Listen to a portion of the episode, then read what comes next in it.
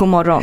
God morgon! Eller klockan är 17.33 här. Ja, 8.33 här. Jag sitter i en self-made cave eh, på golvet i mitt vardagsrum och dricker kaffe. Vilken klunk är du på? Så jag vet vilket tempo jag kan hålla. Katarina fem klunkar kaffe på morgonen. Det är ingen person jag vill ha att göra med.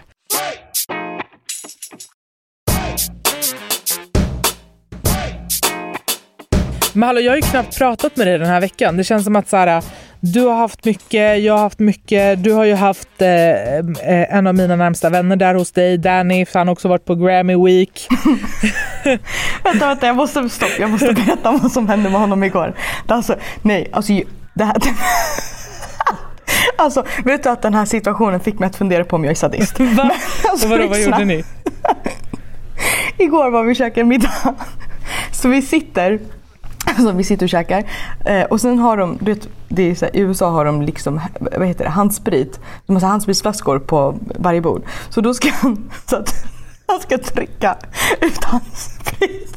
Och det är, så här, det är så lite förtorknad. Så att när han trycker så blir det som att det är en båge istället för att det så går neråt. Utan, så här, så handspriten är väldigt också, den, den flyter.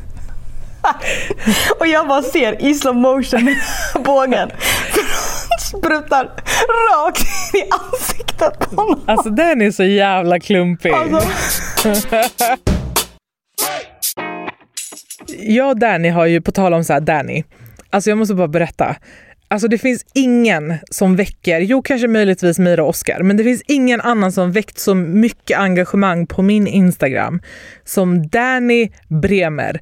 Alltså Danny, jag har känt Danny över tio års tid och eh, han och jag är ju så väldigt bra vänner. Men varje gång jag lägger upp Danny på Instagram, alltså jag tror att det är en miljon tjejer, alltså tjejer som typ så inte ens följer mig, som inte ens vet om min existens, de bara “vem är det? Varför är han så snygg? Vem är det? Vem är det?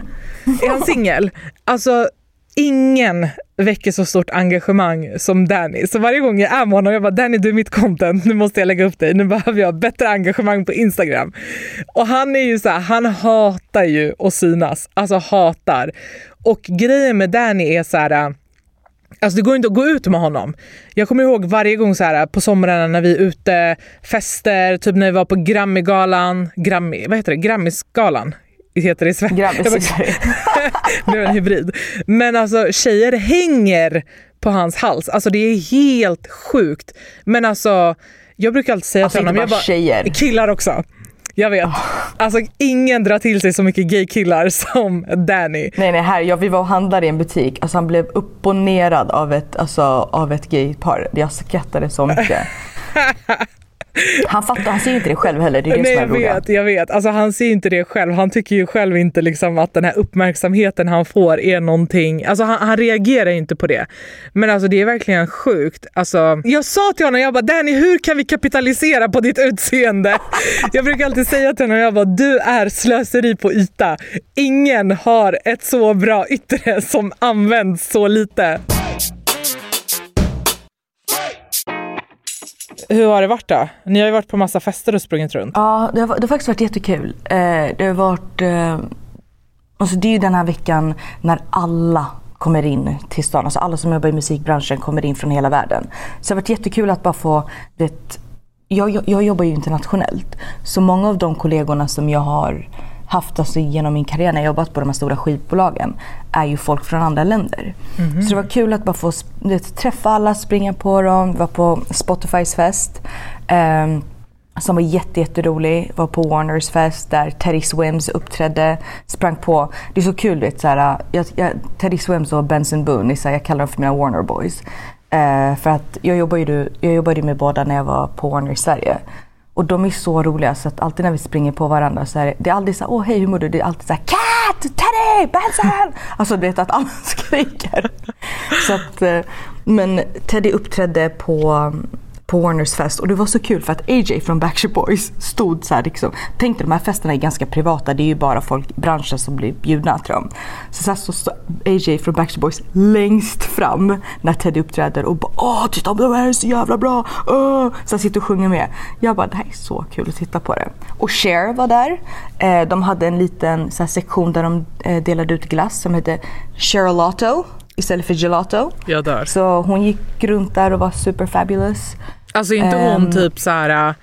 Alltså, Legend. alltså, nej men alltså typ också så här, nu ska man inte prata om folks utseende, men alltså förlåt, men världens snyggaste alltså kvinna. Mm.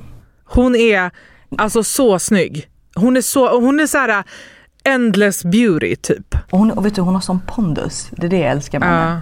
Vilka fler, vilka fler såg du där? Eh, nej men jag var på Universals fest och där ehm, hängde Billie Eilish eh, och hennes bror. Alltså när de kom in, alltså folk flockades ju som galningar. Jag trodde att något hade hänt när de kom in.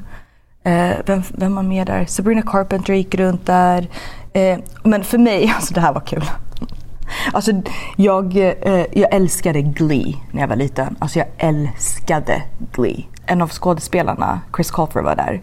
Så att jag gick fram till honom och började prata med honom. Så satt vi och hängde och jag berättade för honom. Jag bara oh my god, jag bara älskade Glee, bla bla bla. Och jag bara kände mig som ett riktigt fan. För, och du vet, ibland skäms man för att vara ett fan. Men i det här fallet, jag bara nej. Jag bara det här var någonting som verkligen betydde något för mig när jag var liten.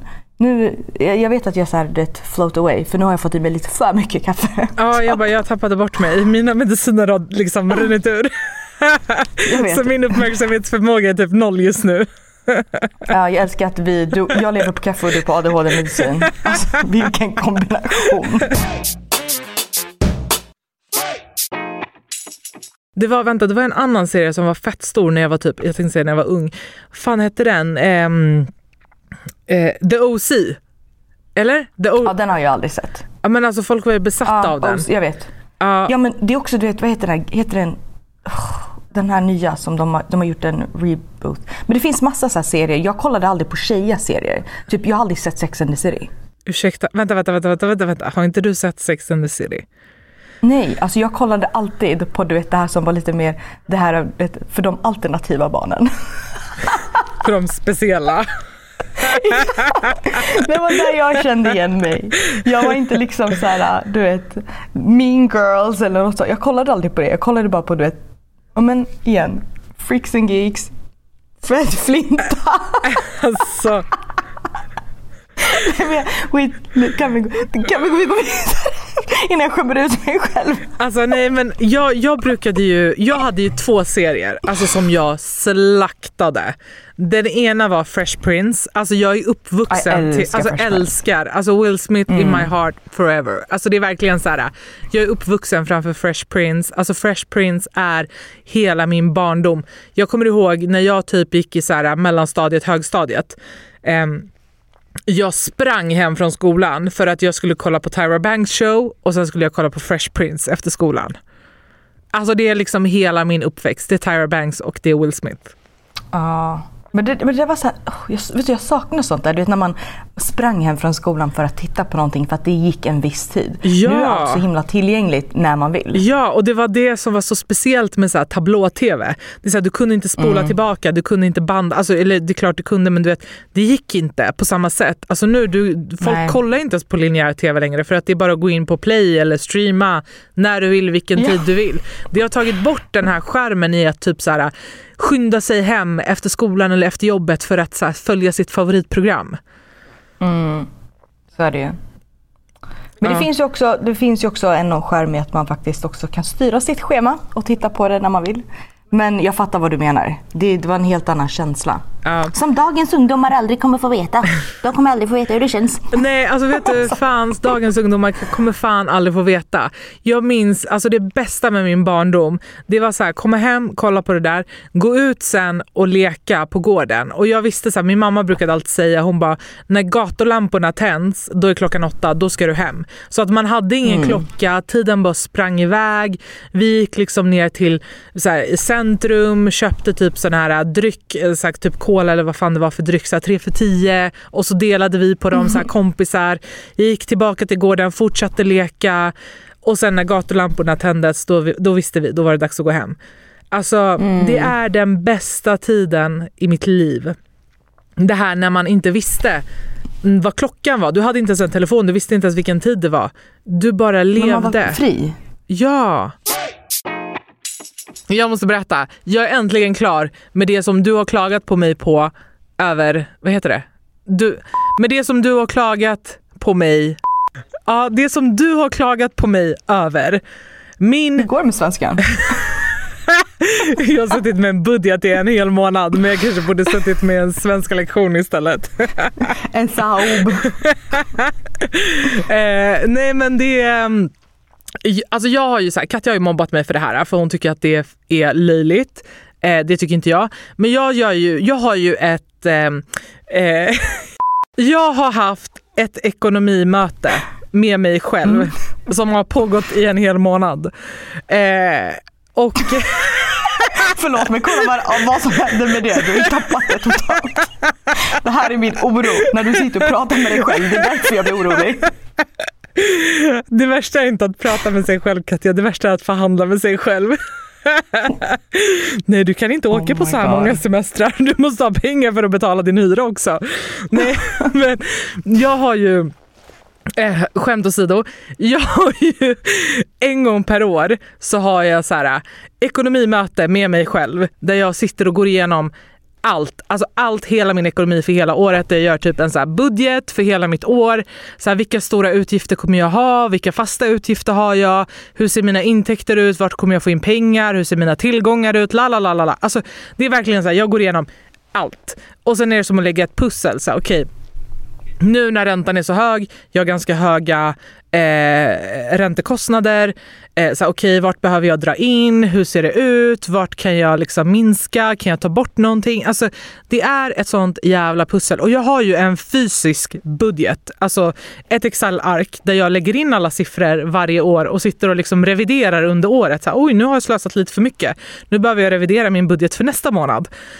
Så att, ah, det jag vill säga i alla fall är att min budget för 2024 är klar.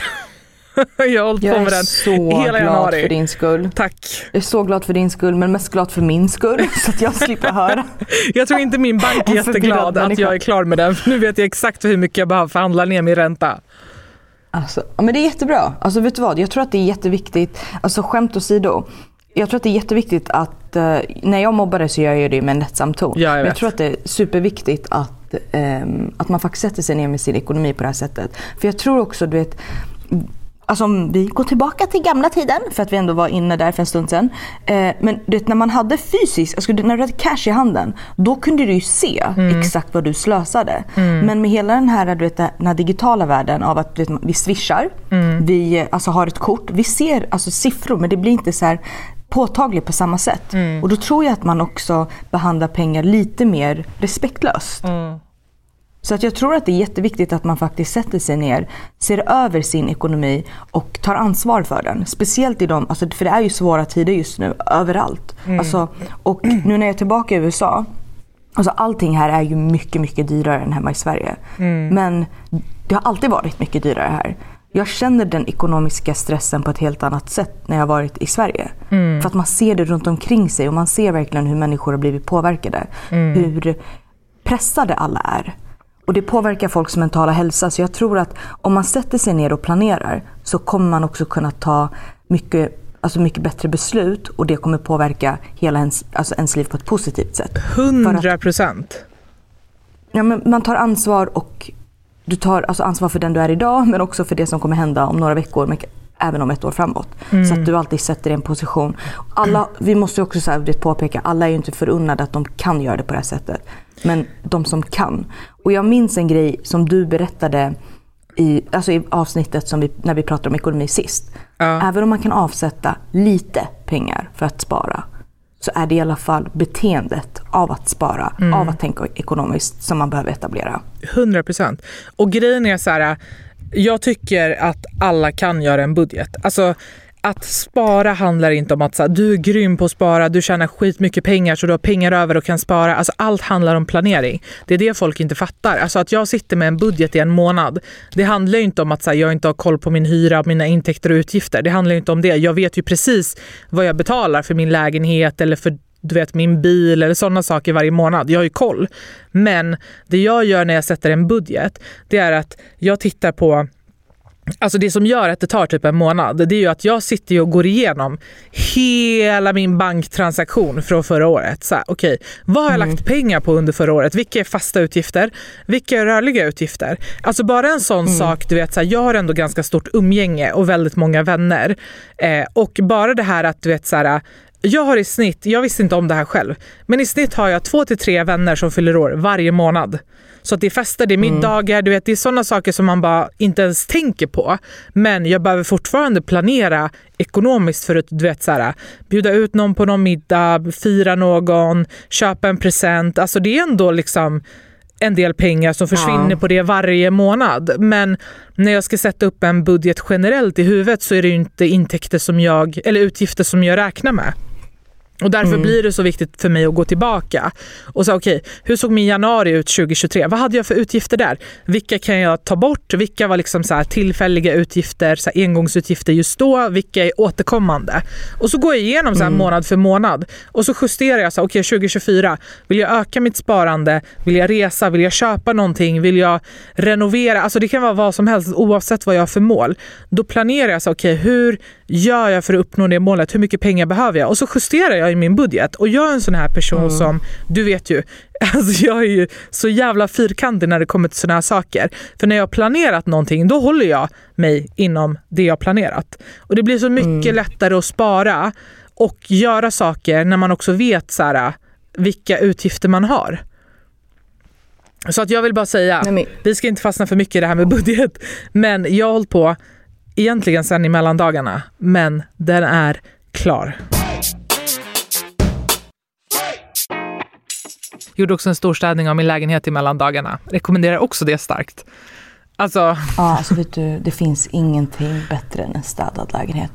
Det, alltså det är så sant. Det, det ger mig inre ro att vakna upp och veta att allt är rent. jag kan inte gå och lägga mig om inte allt är tipptopp rent varje kväll. Mm. Alltså oavsett om jag kommer hem, alltså trillar hemma full fyra på morgonen. Jag städar. Allt ska vara perfekt när jag vaknar. Ingen disk, inga liksom smutsiga handdukar som hänger i badrummet. Alltså ingenting. Allt ska vara tipptopp. Jag vill varje dag vakna upp till en så här, Ah. Känsla, jag vet. Det här är min rena vet. lägenhet. Jag vet exakt vad du menar. Alltså det är det bästa som finns. Alltså varenda blatte där ute kan Ja. relatera till det här. Alla vi klorinbarn som uppfostrats Jag av våra sjuka mammor. Alltså, Du vet klorinlukt, de flesta, så här, bara, alltså, du vet, får, alltså, de flesta människor så här, tänker när de, när de doftar klorin, de bara ah, simhall, jag tänker mamma städning. så är det. ja, alltså 100 procent. Hela min uppväxt. Alltså mamma använde en klorinflaska per städning, alltså per dag. Men också, vet du vad, det här är det sjuka. Att jag fattade inte att det var konstigt förrän jag blev ganska gammal. Alltså det var då jag insåg att så här, folk brukar inte städa med klorin. Alltså, det är väldigt Nej, alltså du vet. Alltså Katja, jag var livrädd för min mamma. Du vet efter min olycka när jag var så skadad skulle min mamma komma hem och hjälpa mig städa. Alltså hon kom med klorinflaskan i högsta hugg och jag bara, alltså mamma, jag bara, det är italiensk marmor i badrummet, du kan inte använda klorin. Det är liksom natursten i köket, du kan inte ha klorin, alltså jag kan inte ens ha citron nära Jag det för att det blir fläckar. Och-. Nej men och min mamma bara kommer med klorin. Hon bara jag ska göra golven med klorin. Jag bara nej det är riktigt trä. Jag bara, du kan inte ha, jag bara din klorinflaska funkar inte här. Hon bara vad är det här för värdelös lägenhet du har? Hon bara om man inte kan städa med klorin. Vet du vad min mamma gör? Hon, alltså när hon moppar golvet, hon moppar inte golvet. Hon dränker golvet och har du vet så här, vad heter de, en sån här skrapa. Hon har inte en mopp, hon har en skrapa. För att ta bort vattnet. Alltså hon har förstört vårt golv. Alltså, eller så här, deras, alltså, deras lägenhet. Och jag var, alltså jag bara mamma, vad håller du på med? Hon bara, men det måste bli rent.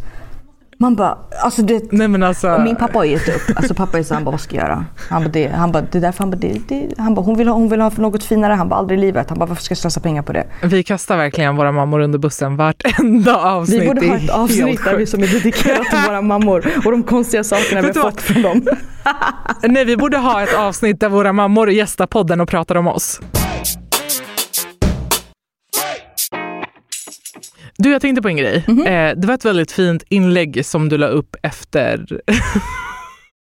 Nej, men jag tänkte på en sak. Mm. Ditt inlägg som du la upp efter... Alltså först och främst, det är helt sjukt. Alltså Meira och Oscar-avsnittet, förra avsnittet som vi släppte innan det här. Mm. Alltså det avsnittet är ju vår absolut mest lyssnade avsnitt någonsin. Mm. Och det är så sjukt att det har varit sån... Eh, Alltså, Alltså, sånt engagemang kring- också. Ja, kring Love is blind Sverige. Alltså att det har blivit en så global grej som alla pratar om. Mm. Men Meira och Oscar har ju verkligen blivit så här programmet Sweethearts. Typ. Mm. Det var ju ingen som trodde att de skulle gifta sig. Men engagemanget kring dem har ju varit så här helt sjukt. Så f- efter förra poddavsnittet, alltså det har bara exploderat. Alltså det är så många som har lyssnat på, på podden och lyssnat på intervjun med dem. Men jag tänkte också på inlägget du la upp i, Mm. på Instagram kopplat till det avsnittet. Det var faktiskt väldigt fint. Ja, alltså grejen är, jag tror att, du vet man såg ju dem på tv, man såg hur fina de var. Men jag tror att det så slog Ja. mig, du, du vet när man gör tv så ser man tv på ett annat sätt också. För jag vet ju att saker blir klippta. För, för en storytelling. Det är så här, du vet, det är vissa narrativ som måste komma fram. Så att, Ja. eh, Ja, man, ja, man såg ju att de var väldigt fina och kära. Men jag tror att när de var i studion och det, vi hade ju en konversation med dem som sträckte sig långt utöver eh, det som man fick höra i podden. För vi satt ju ganska länge med dem. Eh, det jag slogs av så himla hårt var ju den här respekten och kärleken de hade för varandra. Men också så här, du vet att kärleken bottnade i, eller ja, att kärleken bottnade i en sån oerhörd respekt som syntes i form av men hur, hur de var mot varandra. Men det som slog mig var ju verkligen hur Oscar var mot Meira. Det sättet han pratade till och om eh, henne, alltså, med henne var... Alltså det, det, var, det fick mig att inse hur, alltså, hur låga krav jag haft på män och killar i mitt liv, i hela mitt liv. Och jag tror också att förra veckan var en sån vecka där jag exponerades väldigt mycket för det här beteendet. Eh, I form av att jag hade fått ganska mycket konstiga meddelanden. Jag, ska, jag kommer inte gå in på detaljer. Och utsattes också för eh, en, en kollega i branschen som har varit på mig ganska mycket i många år.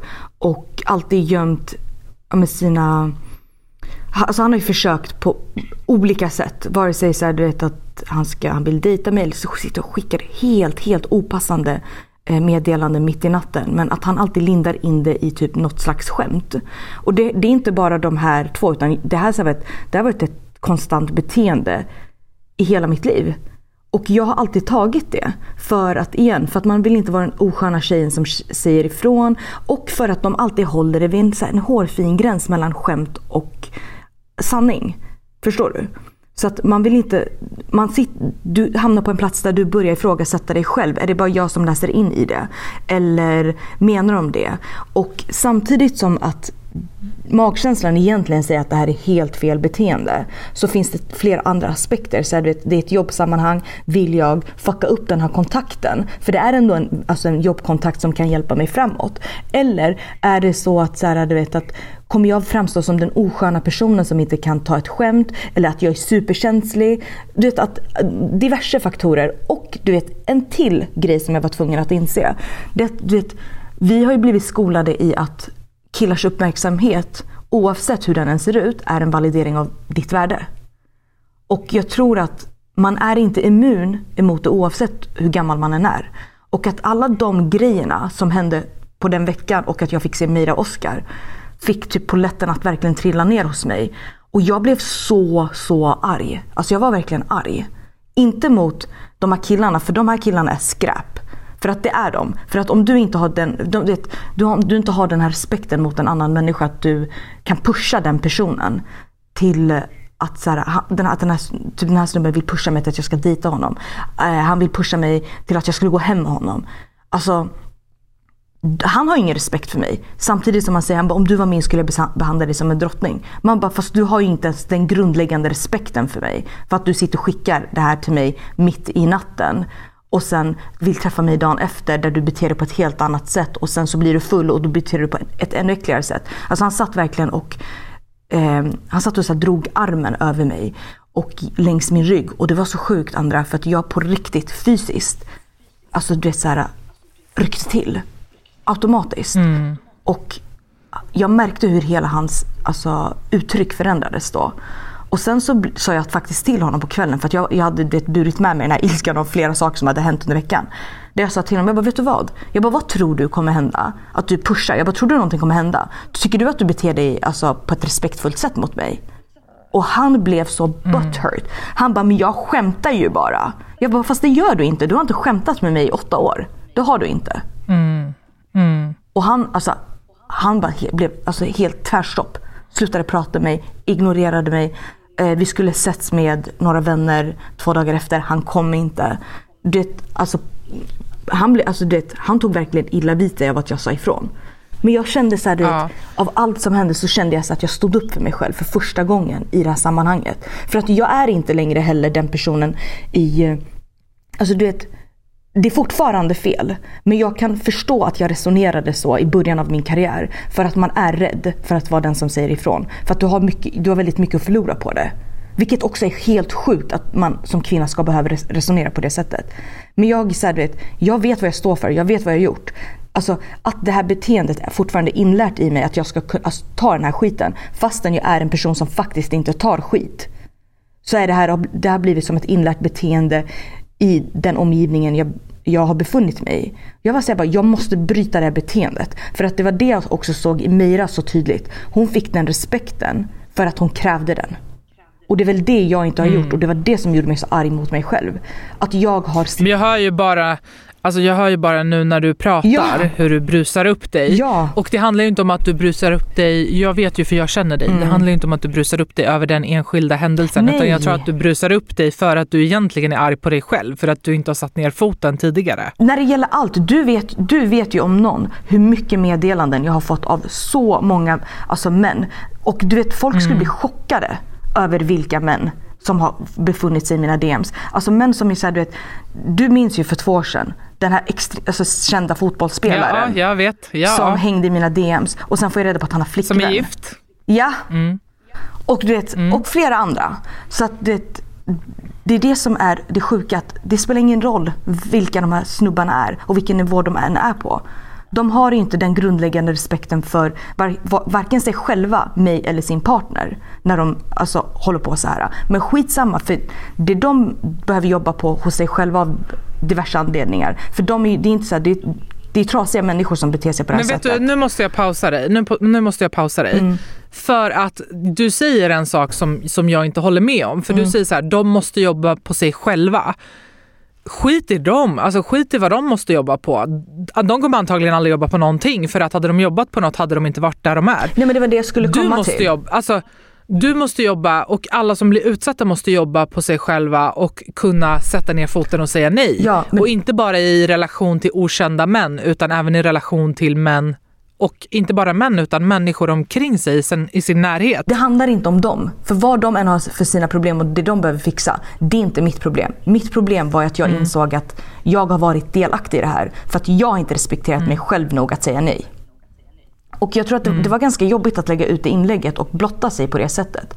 Men jag fick så mycket fina meddelanden av flera personer som sa att, så här, att det här inlägget fick dem att tänka om i sina relationer. Det var en tjej som skrev att hon, så här, det här inlägget fick henne att faktiskt ta steget att lämna en destruktiv relation.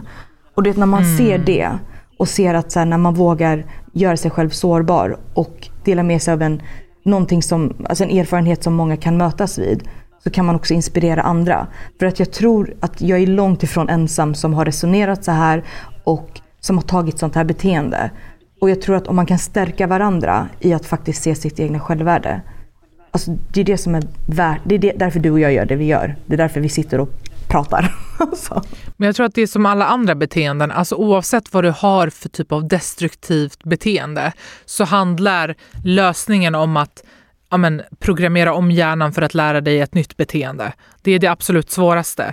Men det är också det som är den enda lösningen. Oavsett om du är alkoholist eller du vet så här, missbrukar någonting annat eller är spelmissbrukare eller whatever så behöver du göra den här omställningen där du programmerar om din hjärna vid det nya normala. Och det här med att bli utsatt för destruktiva människor, framförallt i nära relationer, det är ju det absolut svåraste för att någonstans så tror ju du också att du är, alltså du lever i en illusion där du tror att det här är en person som egentligen bryr sig om dig. Men det enda den personen gör är att skada dig eller få dig att känna dig otillräcklig eller få dig att få dåligt samvete eller på något sätt lämnar en dålig eftersmak.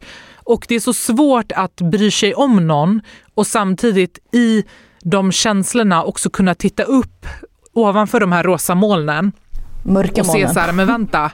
Ja, eller, men oftast är det ju rosa mål. Man tror att det är bra, men man, det är inte alltid bra. Det är det som gör att man stannar, för att man tappar liksom det här äh, greppet mellan verklighet och fantasivärld.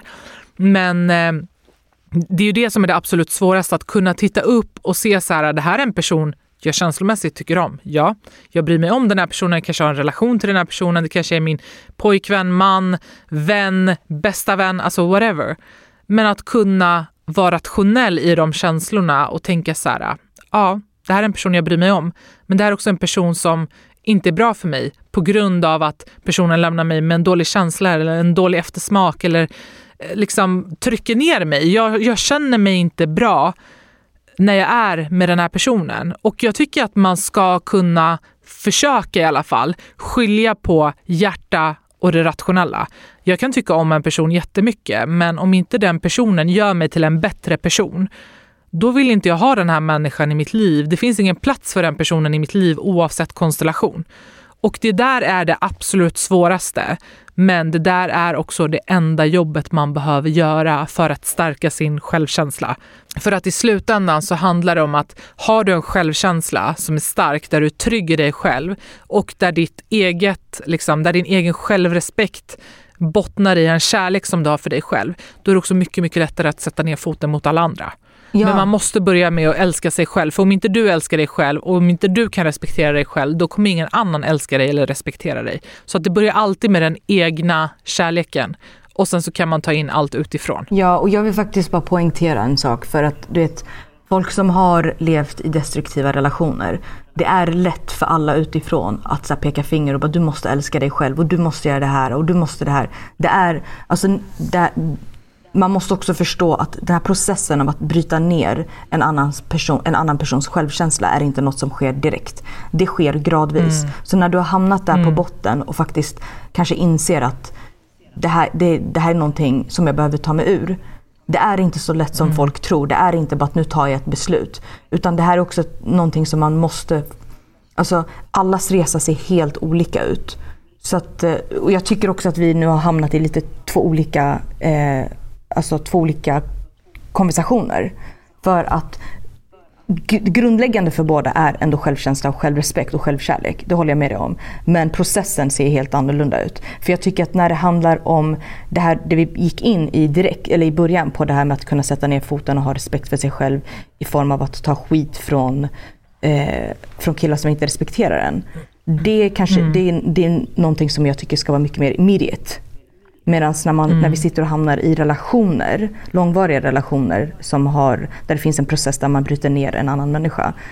Det är en helt annan konversation. Och jag tycker faktiskt att vi ska gå in i, vi, vi skulle kunna gå in i det längre fram. Men jag håller verkligen, ja. verkligen med dig. Att i slutändan, oavsett hur den process, processen ser ut eller situationen ser ut, så är det, det, det finns bara ett, det finns bara en grej man kan göra. Och det är faktiskt att kapa. Så är det bara. Ja, men vet du, jag, jag håller med dig delvis men inte helt. För att grejen är så här, om du har den här tryggheten i dig själv, den självkänslan, det självvärdet, du uppskattar dig själv och ditt eget värde. Mm. Du kommer aldrig hamna i en sån relation, alltså, eller så här, man ska aldrig säga aldrig, men sannolikheten att du hamnar i en sån relation minskar för att du kan också alltså, påverkar det väldigt tidigt. Alltså jag kan bara tala utifrån egen erfarenhet. Det är många gånger jag har träffat personer som jag verkligen, verkligen, verkligen, verkligen tycker om. Men där jag efter ett tag har kunnat se så här, men vänta, den här personen är inte bra för mig. Och då väljer jag att ta avstånd. Men hade jag inte varit medveten om det här och hade jag inte haft den här tryggheten i mig själv mm. och den kärleken till mig själv, då hade jag lätt kunnat bara svepas med i allt som är fantastiskt för stunden. Och så hade jag kunnat sitta där efter några år nedbruten och inte liksom veta vad, vad som är in eller ut. Så att jag håller med dig, det är mycket svårare att komma ur när man har varit i stormens öga länge.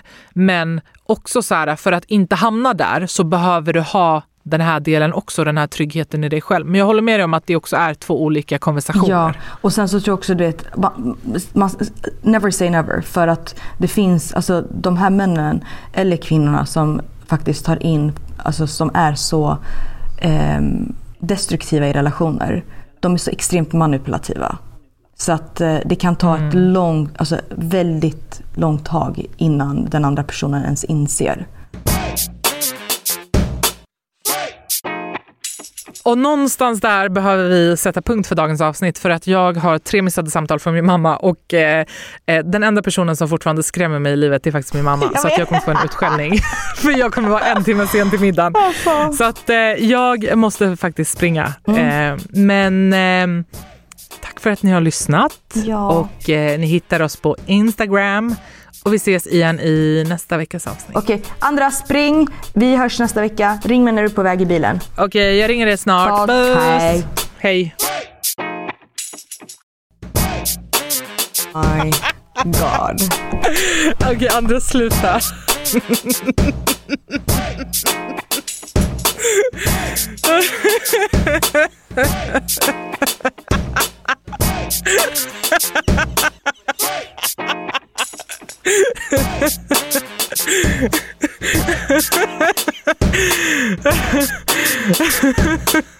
Okej, jag ska sluta. Jag ser dig framför mig. Det är det som är så fucking kul.